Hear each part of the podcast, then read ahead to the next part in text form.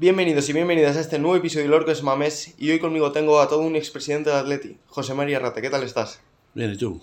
Muy bien. Si te parece vamos a empezar hablando un poco de tu etapa como presidente y los años anteriores y luego vamos a hablar un poco de actualidad. Bueno, tú entras en el Atleti en el año 82, si no recuerdo mal.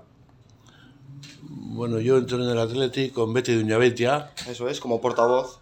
como portavoz de, de Betty. Después seguí con Pedro Orteneche, eh, fui portavoz y vicepresidente con Pedro Orteneche.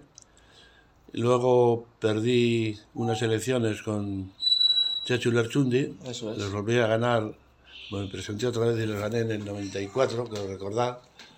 Y en definitiva he estado 17 años en el Atleti entre directivo, portavoz, vicepresidente, presidente y, y yo quizás sea, es mucho tiempo, ya en el 2001 lo, lo Sí. dejé.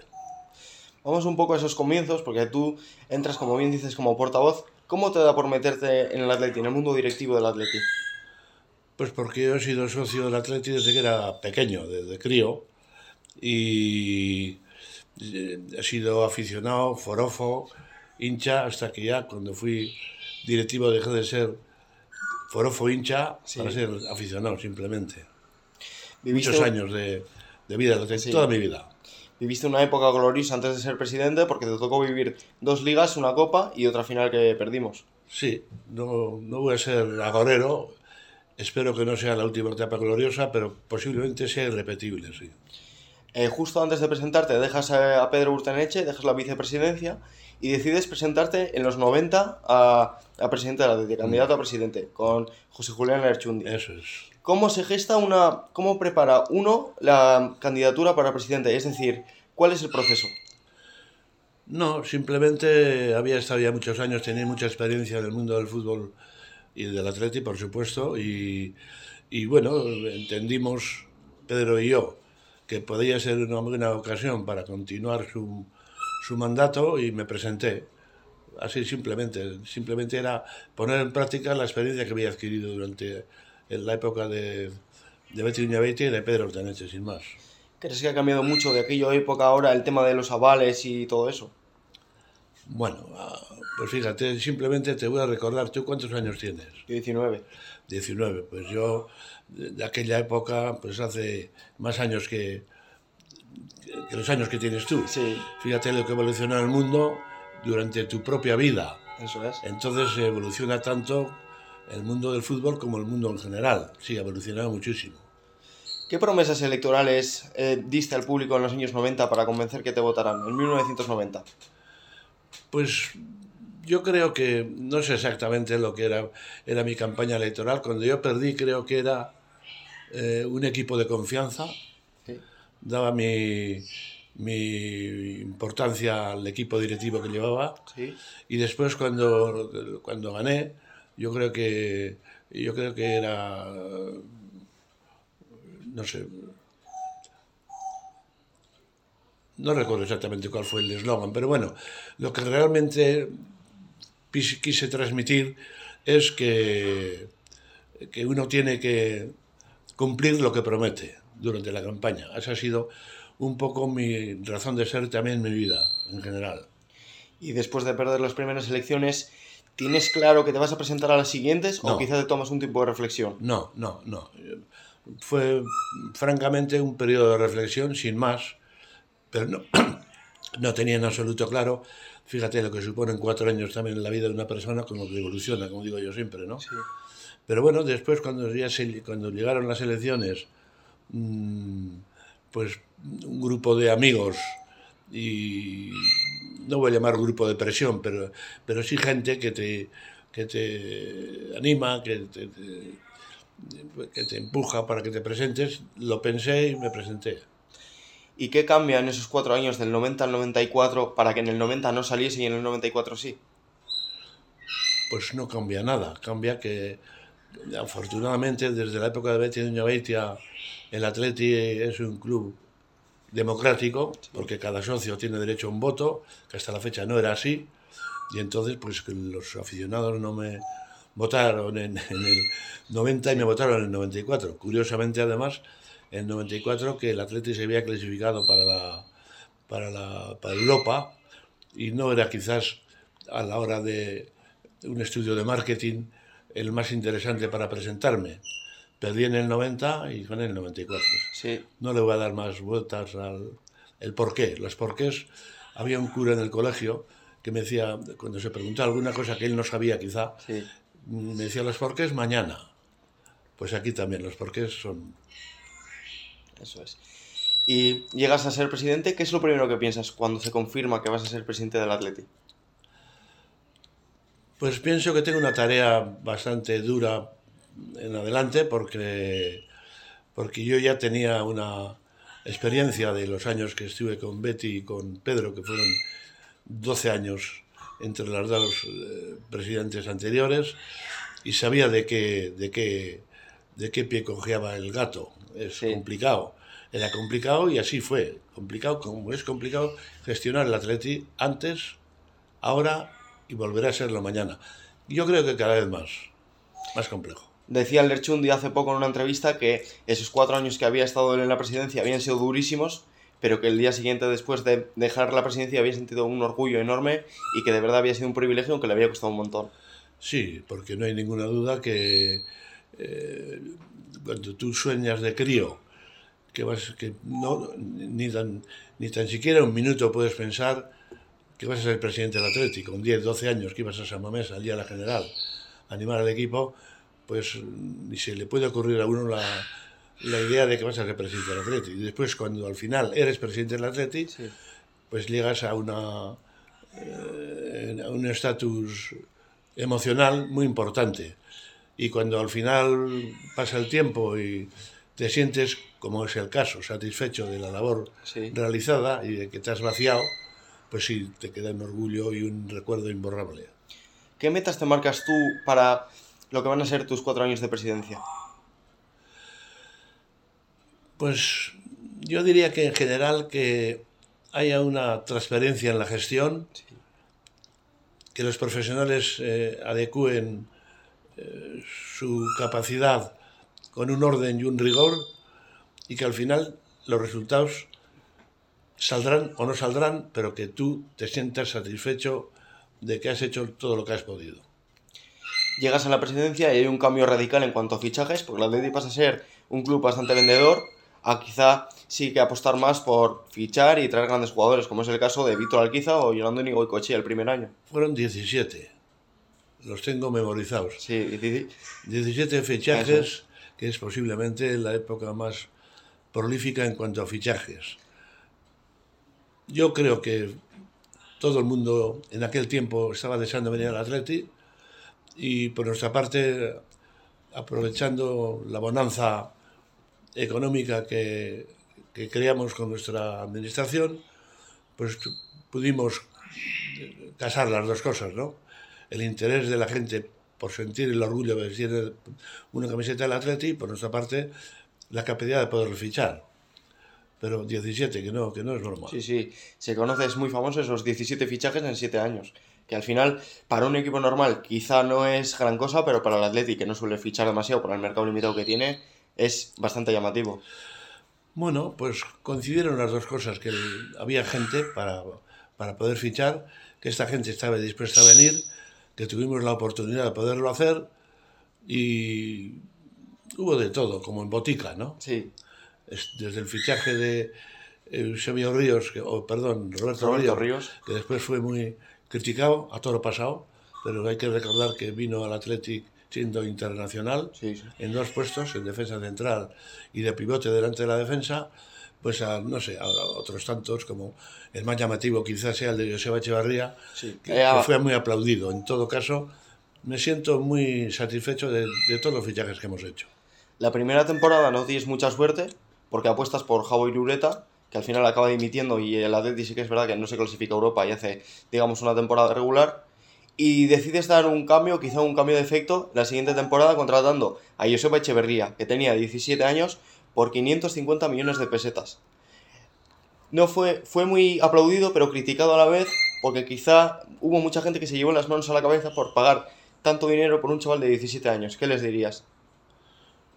Pues mm, no sé, me referiría a la, a la, a la frase bíblica igual, ¿no? Por sus hechos los conoceréis, ahí están los resultados, sin más. Sí. Puede salir bien o mal, pero salió bien y la apuesta no fue pensando que uno se ha vuelto loco. La vuelta estaba bien cimentada, sabiendo de dónde venía, sabiendo qué capacidades tenía, eh, consensuándolo y preguntando a mucha gente que le conocía, compañeros de la selección juvenil, gente que lo conocía muy bien, en fin. Podía haber pasado que no hubiera resultado, pero afortunadamente resultó. ¿Cómo se gestó aquel fichaje? Porque después del fichaje se rompieron relaciones con la Real, diciendo la Real que estaba el Betis de por medio y que justo cuando se iba a marchar al Betis y se enteró la Real que quería el Atleti, pues lo querían renovar y no hubo manera. ¿Cómo se gestó aquel fichaje? Pues como se fichan todos, preguntándole al futbolista si estaba dispuesto a venir al Atleti, avisando al club, como avisamos a la Real, que le íbamos a fichar y pagando la cláusula de, de rescisión. Es decir, no fue ninguna agresión a la Real. Si tú tienes a un futbolista con una cláusula de rescisión, que este es como decirlo, este es su precio de venta, Sí. lo cojo, lo pago y se acabó la fiesta. ¿Cómo afectó después aquella rotura de relaciones con la Real? Pues no les gustó porque evidentemente pues un chaval que prometía y que después resultó ser una promesa eh, que fue una realidad, Sí, sí. pues no te gusta que te la quiten. Pero en cualquier caso no es criticable. Nosotros ten- ante el Atleti ha tenido ahora en el escaparate, porque el- para mí la cláusula de rescisión siempre es un escaparate, Sí. esa es la, la fórmula de venta. Dada y cómo está la situación ahora, hay que tener una cláusula para todo el mundo, porque si no, pues se te van sin nada. Pues se ha ido Kepa, pagaron, se ha ido, fue Laporte, Sí.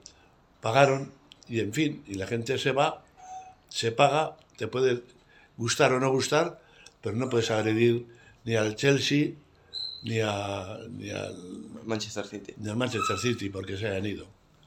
Ellos son libres Sí. y punto. Hay mucha gente que equipara el caso de Cheve con el de Carricaburu hoy en día, que es otro chaval que es delantero de el Sanse en este caso, que está marcando goles y que su precio es de 60 millones de euros. Si fueses tú presidente, ¿te plantearías el ficharlo? Uf, no, a mí no me preguntes eso porque, porque no tengo datos tampoco suficientes, como los tenía entonces cuando se fichó a Joseba, ni tengo datos de cuál es la tesorería del Atleti, ni cuál puede ser su capacidad de endeudamiento en el caso de que hubiera que comprarlo, y sin datos no me gusta nunca aventurar una... Pero imagínate que está todo saneado, ¿te lo plantearías? Por un chaval de 18 años. No tengo datos, no le conozco, no sé cómo exactamente cómo es. Para fichar a Echevarría te puedo decir que hice lo menos 10 consultas. Y aquí no le conozco, no sé. Fichaste también a Sabino Padilla, que fue muy reconocido sobre todo porque era el médico de Indurain. Y un fichaje un poco extraño porque encima fue como blindado, ¿no? Como una cláusula blindada, casi no de por vida, pero casi casi. No, eso es un error que se ha transmitido y cuando las cosas se repiten muchas veces parece que son verdad. No hay ni una cláusula blindada. Tenía un contrato cerrado a años X y, y nada más. Un contrato acorde a su capacidad profesional. Eh, Era el médico posiblemente de medicina deportiva más importante del mundo. Tenía un contrato simplemente como puede tener un futbolista a tres, cuatro, dos años, después se le renovó, pero no hay ninguna cláusula blindada, ni cuando dejó el Athletic tuvo que cobrar nada, no es así. ¿Qué opinas de la polémica que hubo después con el tema de Burpegui y tal? Pues yo estoy convencido, eh, fue una maniobra, yo no voy a decir ni de quién ni de quién no, porque cuando no se tiene constancia es, eh, vamos, no se debe hacer, pero simplemente te diré un detalle. A Joseba Padilla le habrán pasado posiblemente al, al, al responsable médico que más controles de dopaje le hayan pasado del mundo, con los, con los ciclistas que tuvo, Sí. en el mundo que más controles se pasa, que es el ciclismo, que le pasaban casi todos los días. Jamás han tenido ni una pega esos, esos controles. Se hace un control a la Urpegui y se saca una cantidad de nandrolona, que así fue lo que decían que Eso tenía, anticipa- una cantidad absolutamente grosera. O sea, del 1 al 10 pues tenía 9. O sea, eso no lo hace pues ni el boticario más desastroso del mundo. Eso no le puede, no, no le puede pasar a, a, a Sabino en el supuesto en el supuesto de que tuviera prácticas nocivas para el futbolista. Nunca.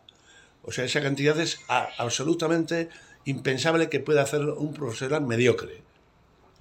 Mucho menos el mejor del mundo.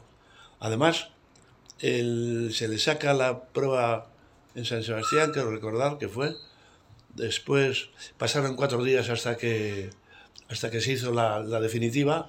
Se tardó no sé cuánto tiempo en hacer también el contraste Eso es.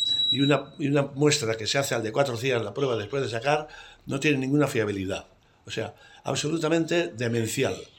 Fue un asesinato el que, el que hicieron con, con Sabino Padilla.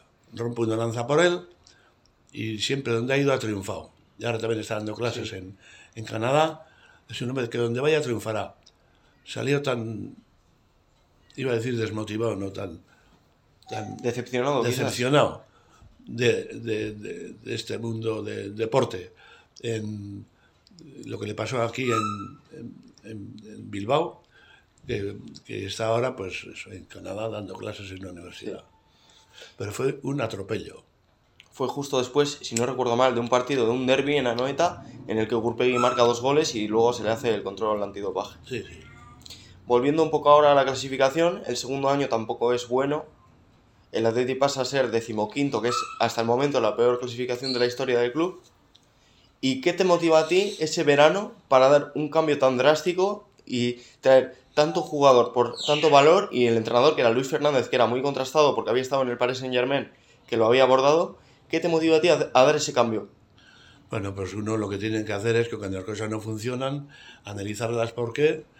Se analizaron las situaciones, me parece, me parece que fue Stepi, el anterior entrenador, Sí, Stepanovic. Eh, se le dio la baja, aquello no funcionaba y pues, pues yo se fue a por el mejor que había en, aquel momento en Europa, como yo recuerdo que se fue a por el mejor cuando Pedro Orteneche también tuvo un momento flaco en su mandato y fichó a, a Howard Kendall, sí, que era entonces el mejor entrenador de Europa, Sí, sí. que había sido el, Ever- el, el Everton. el. Everton campeón de Europa y que, bueno, pues siempre hay que intentar ir a por el mejor.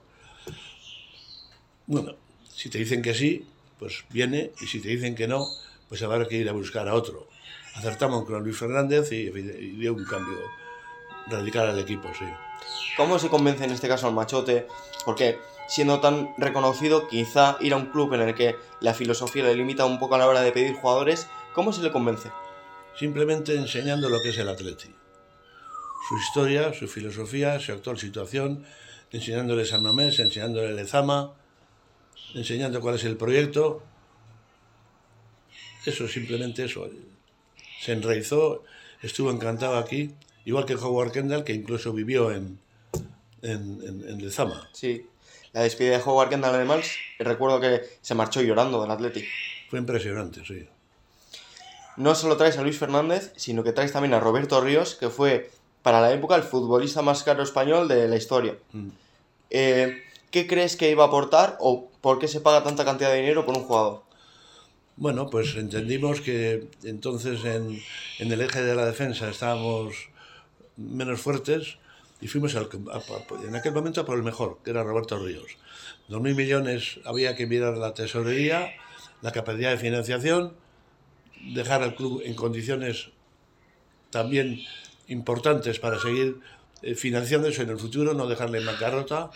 Los años que estuve de presidente del Atlético, todos los años se cerraron los ejercicios con superávit. Y bueno, y se fichó. Luego no resultó y las cosas pasan, eh, una vez resultan, otras veces no resultan. También no resultaron otro fichaje que yo recuerdo de mucho renombrón fue el de el de Vicente Lizarazu, Sí, que se marchó al de dos años. era el mejor lateral izquierdo que había en, en, en- en Europa, se- vino del Girondins de de Burdeos, Burdeos. Sí. y bueno, pues no resultó tan bien. Pues esas cosas a veces salen y otras no salen. ¿Y a Lizarazu le teníais en cuenta como posible fichaje? ¿O fue justo después de ganar la... Porque creo que ganó la UEFA con el Girondins, que sacó la Icurriña. ¿Ahí empiezas a, a ver la secretaria técnica que quizás sí se le puede fichar o le conocíais de antes? No, hombre, Lizarazu ya era un futbolista sobradamente conocido y estaba en, estaba en, en el punto de, de- de mira de, de muchos equipos europeos. Entonces, eh, no, ya estaba ya contrastado. Y como siempre, ir donde él. Entonces yo, eh, todos los fichajes que hemos hecho, habitualmente, habitualmente los he hecho yendo yo personalmente a hablar con el futbolista. El fichaje de Rafael Corta, el fichaje de Bichor Alquiza, el fichaje de Ferreira, el fichaje de Lizarazu, el fichaje de Ezquerro, el de Urzaiz. Con todos he hablado personalmente antes de venir al Atleti. ¿Crees que es esencial que el presidente muestre su confianza para que vengan los jugadores? Yo creo que sí. Aquel verano también, antes de empezar, renuevas a Julen Guerrero, que es una renovación muy sonada porque le querían muchísimos clubes, y das un golpe en la mesa diciendo que se va a quedar aquí. De hecho, luego acabó aquí la carrera. ¿Crees que a la larga esa renovación le afectó quizás en el vestuario o hubo un run run por el tal de que se le había pagado mucho dinero y que ah, no acabó de re- de rendir como se esperaba a partir del año 2000? No, yo lo que creo es que cuando eh, rindi- rindió o no rindiera, tanto como se esperaba, es como consecuencia de que es un chaval que empezó muy pronto y estuvo desde el principio en un gran estrés competitivo. Empezó a los 16 y 17 años en la élite. Eso es. Y claro, ese es un tirón muy duro el estar siempre eh, con la responsabilidad de, de- de marcar la diferencia, ¿no? Eso es muy duro. Y claro, cuando se, pasa- cuando se pasa la treintena en esos momentos determinados, pues bueno, dio menos de sí, también tuvo menos oportunidades de, de rendir, los entrenadores consideraban que no tenía ya la capacidad que tenía al principio. Yo creo que son cosas que pasan en el fútbol sin más. ¿Crees que se fue injusto con él? ¿Perdón? ¿Crees que se fue injusto con él? Después de aquellos, aquellas épocas en las que quizá había pasado ya sus mejores momentos, que no jugaba y que la gente se ponía de su lado. De hecho, se retira en 2006 porque el Atleti no le quiere renovar. ¿Crees que se fue injusto con él? Bueno, la justicia y la injusticia al final no hay básculas para medir eso. Ahí está la opinión pública y está el tiempo que juzgará.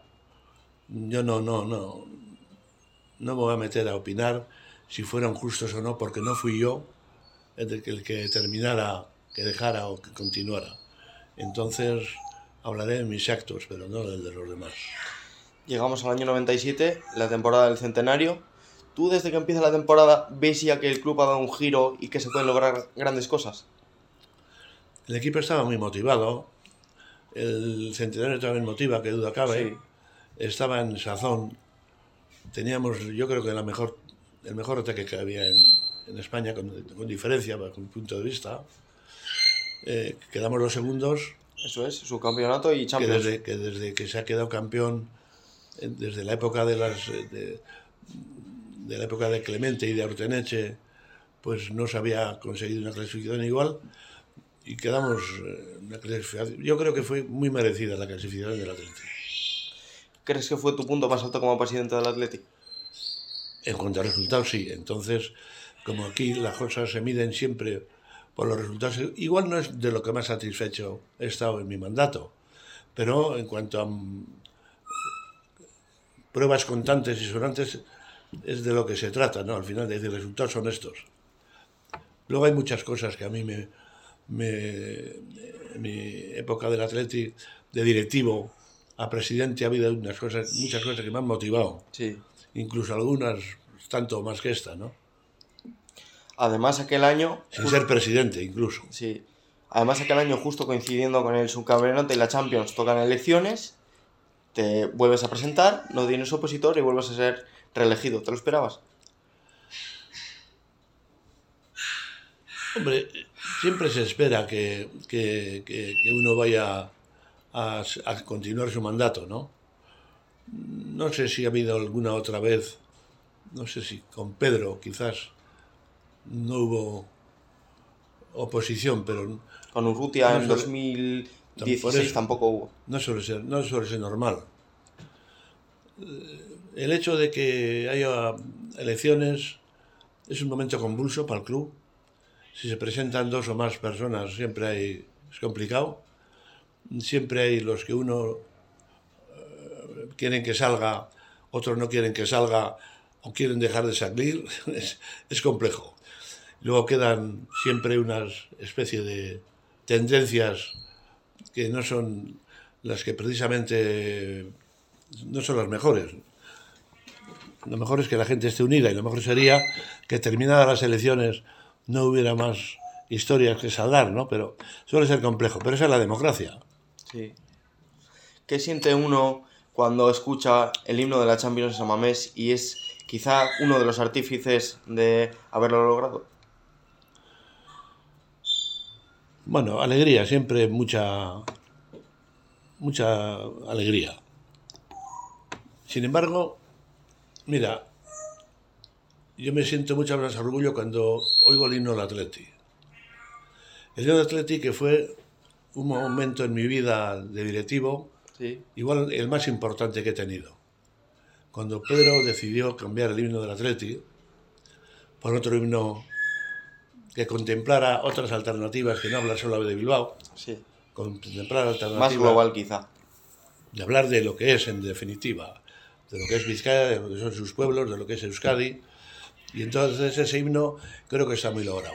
Ese himno está muy bien musicado por Bernaola, con una letra de euskera que indica lo que es la, historia viva del Atleti, que la hizo el difunto Anchón Zubicaray, un crítico musical, muy escurólogo además. Y eh, ese sí tengo mucho orgullo porque ahí estuve muy involucrado en su... Fui el, el- el directivo delegado por Pedro Orceneche para hacer el cambio. Tuvimos la suerte de que además es- ese himno salió justo cuando quedamos campeones, o sea que fue un inicio venturoso. Sí. Justo después de la Champions y Europa, quizá vienen ya los años un poquitín más grises, en los que el club, aunque sigue apostando por buenos fichajes o económicamente por lo menos de bastante alto grado, pues se estancan de cierta manera y hay un estancamiento del Atleti que deriva de ahí hasta tu final de mandato. ¿Cómo vives tú esos últimos años? El Atleti tiene y tendrá siempre altibajos porque la huerta donde tiene que sacar los pimientos es muy reducida. Entonces no tiene ninguna duda de que si queremos continuar con esa filosofía, pues tendremos que apechugar con que habrá años buenos y años medianos y años que no sean tan buenos ni medianos. Entonces, eso será, ese es el sino. Ahora mismo estamos con una época que la gente dice que eres gris y yo creo que ha sido extraordinario. Estar en tres finales en dos años es que nos hemos vuelto locos ya. No le damos mérito a nada. Eso tiene un gran mérito para mí. Claro que tiene mérito, pero yo también entiendo en cierto modo que es que al, al final han pasado eh, 38 años de la última vez que el Atleti ganó un título no importante, porque la Supercopa, claro, tiene su importancia, pero no un gran título como la Liga o la Copa del Rey, que la Liga es más entendible, pero la Copa después de tantas finales, pues quizá ahí se resquemor en cierto modo. Bueno, yo creo que el estar en la final ya tiene un gran mérito y no hay que quitárselo nunca. Luego es un cara y cruz. Luego hay muchas cosas. Luego hay que ver con quién juegas. Han eliminado al Madrid y al Barcelona en dos, en dos Sí. años distintos. Es una cosa... Hay que valorarlo. Sí, sí. Después de terminar tu mandato, llega Javier Uría, tristemente falleció en 2003 a causa de una gran enfermedad. ¿Cómo era? ¿Cómo fue esa etapa? Porque sí que yo creo que estaba bajo, o sea, tú eres el presidente, pero estaba, estaba en tu equipo, si no me equivoco, y te releva en 2001. ¿Cómo era Javier Uría? De lo poco que se conoció de él por esa triste enfermedad que tuvo. Pues mira, lo más triste es que muriera. Sí, Lo más triste es que, que pasara esa enfermedad. Pero hablando en, términos, en, en temas más prosaicos, lo que es más triste es que no pudiera vivir lo que tanto había soñado. buscado, que era ser presidente del Atleti. Eso es lo más triste. Pasamos ahora un poco de actualidad, porque es periodo electoral sobre todo. Se está diciendo que el 29 de junio habrá elecciones del Atleti. ¿Cómo las ves?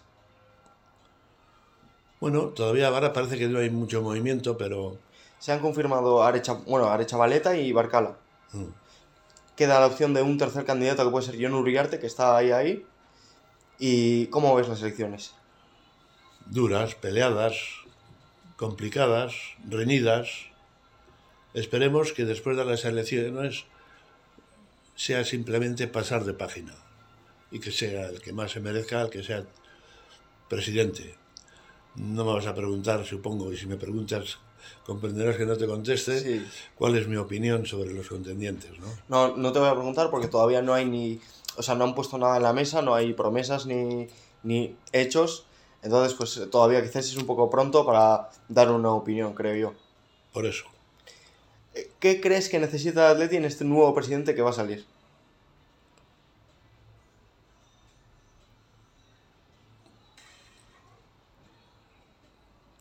No lo sé. Te diría que siempre es importante la experiencia. En este caso concreto, ninguno de los es. tres aparentemente pudiera tenerla, ¿no? Entonces, lo importante es la preparación personal que tenga cada uno. Parece ser que los tres tienen una preparación profesional brillante. Sí. Entonces, lo demás es que tengan suerte, como tuve yo, de tener un buen equipo. Sin un buen equipo es muy difícil hacer las cosas. El que mejor equipo tenga es el que se le dará gato al agua. ¿Crees que Aitor Elizegui ha pecado de no tener experiencia? Bueno, virtudes y defectos tenemos todos. Yo ya digo que el, el haber estado en tres finales es un hito importante, una Supercopa es un hito importante. El Leti ha tenido... No, yo no le voté, ahora sí puedo decir claramente cómo son las circunstancias, ¿no? No Sí. voy a decir a quién voy a votar, Pero, Pero sí sí a quién nos votó. a título pasado no le voté, se lo dije a él además. Y ha tenido una pega gorda. Ha pasado la pandemia con las dificultades que eso conlleva Sí. y ha tenido que...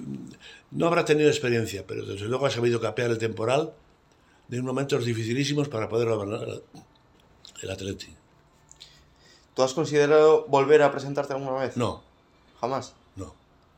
Ya, he estado 17 años, ¿eh? Sí. Pero oye, eh, pica el gusanillo, igual quieres volver. No, no. El gusanillo lo tengo en casa. En- además, ¿dónde voy a ir yo con, con cachava y, y monóculo ya casi? Sí. Ya para ir acabando, te voy a hacer unas preguntas un poquitín más cortas. Y la primera es si cuando estuviste tú de presidente se trató el tema de la filosofía como si se pudiese abrir un poco, el tema de la diáspora o simplemente fichar extranjeros. No, Jamás. eso para mí ha sido sagrado. Porque así lo veía, además, en- entre el- la masa social. ¿Crees que se va a mantener así? Como diría, Si hoy dependiese de los socios, si sale un referéndum, ¿crees que sale sí o sale no? Yo tengo clara en mi la, respuesta. época, en la época en la que yo estuve, hicimos una prospección interna y había un 87% del no. Yo creo que hoy en día, si le das a los socios eh, la No sé qué posibilidad de- porcentaje habría, pero yo creo que Sí. sigue habiendo la mayoría que prefieren el no. Yo creo que también. ¿Y cómo ves Europa? ¿La ves posible? Pues el Atleti igual tiene la suerte de clasificarse este año todavía, nu- nunca se sabe. Y si no se clasificara, yo siempre busco las partes positivas. O sea, la parte positiva de no clasificarse es que el año que viene tenga una temporada limpia Sí. para no competir en demasiados frentes, para que pueda hacer la transición de las personas que están saliendo ahora con, con- con más tranquilidad y que vaya, que, vaya, que vaya a ser el año que viene cuando entre en Europa. O sea, ¿crees que este puede servir como año de transición para el año que viene poner toda la carne en el asador y dar un golpe en la mesa? En el supuesto caso de que no se presentara, pasaría eso. O que no fuera Europa, pasaría eso. Y si fuera Europa, pues a celebrarlo también. Hay que pensar siempre que hay que celebrar las dos cosas. Sí. Y esto ya para acabar es más personal porque me pica la curiosidad un poco. ¿Hubo algún fichaje o algún entrenador o alguna promesa que estuviese ahí, ahí y al final no se hizo? Alguno sonado. No, estaba haciendo memoria, pero si estoy haciendo memoria es que no hay. De las que nos propusimos, estoy haciendo memoria, ¿eh? No recuerdo haber intentado fichar a alguien que nos dijera que no. Nadie. Es una chulada, ¿eh? Pero así es. Las cosas Empezando últimamente... por, no sé, La Cruz, Nagore, Alcorta, Ferreira, Lizarazu, José Mari, Tico, Alquiza, Orbaiz. Orbaiz, Echeve, Roberto Ríos incluso. Roberto Ríos, Urzaiz, Lasa también. Lasa y el zurdo y Ezquerro. Sí. Luego también fichamos a un chaval que no recuerdo el nombre, que el- estaba en el Southampton jugando. Un chaval joven que luego no resultó. Sí. Sibori, el del Sí. el del Alavés, que que estaba tampoco, entonces. tampoco resultó. Tampoco resultó. Andoni Imaz. Y más sí resultó. Bueno, Sí, sí resultó, pero digo que fue un fichaje. Ah, sí, sí, sí. Es que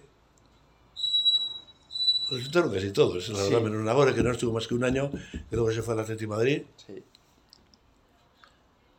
¿Qué crees que ha cambiado ahora para que se le haya dado la vuelta a la tortilla y ahora haya más que nos que sí? Bueno, supongo que será porque será más complicado, porque hay más competencia, porque ahora cualquier equipo te puede ofrecer. Entonces el Atlético estaba en disposición de ofrecer una cantidad de dinero que competía casi quitando el Madrid al Barcelona con, con todos, ¿no? Sí, Porque al Atlético de Madrid le trajimos, al izquierdo le trajimos del Atlético de Madrid. sí. Que luego se marchó al Barcelona. Sí, sí. Y para acabar, ya sí que sí, sé que no te gusta mucho meterte en charcos quizás, pero ¿a quién ficharías tú si tuvieses la posibilidad hoy en día? Un jugador que digas, es que yo me traía a este. Si Ah. el Atlético tuviese el poder adquisitivo necesario. Al niño Jesús. Ese no fallaría, seguro. Sí. Yo solía decir eso también cuando estaba cuando estábamos en el Atleti. Me hizo mucha gracia porque algún periodista todavía se acuerda. Cuando este pique estaban las cosas mal. Y aquí empecé a tener pues, al niño Jesús. Bueno, mal fichaje Para no que, para sería. que no falle. Bueno, José María, ha sido para mí un placer poder eh, charlar contigo un rato. Espero que hayas estado a gusto. Bien. Sí, y bien. Es, esperemos que el Atleti se clasifique a Europa.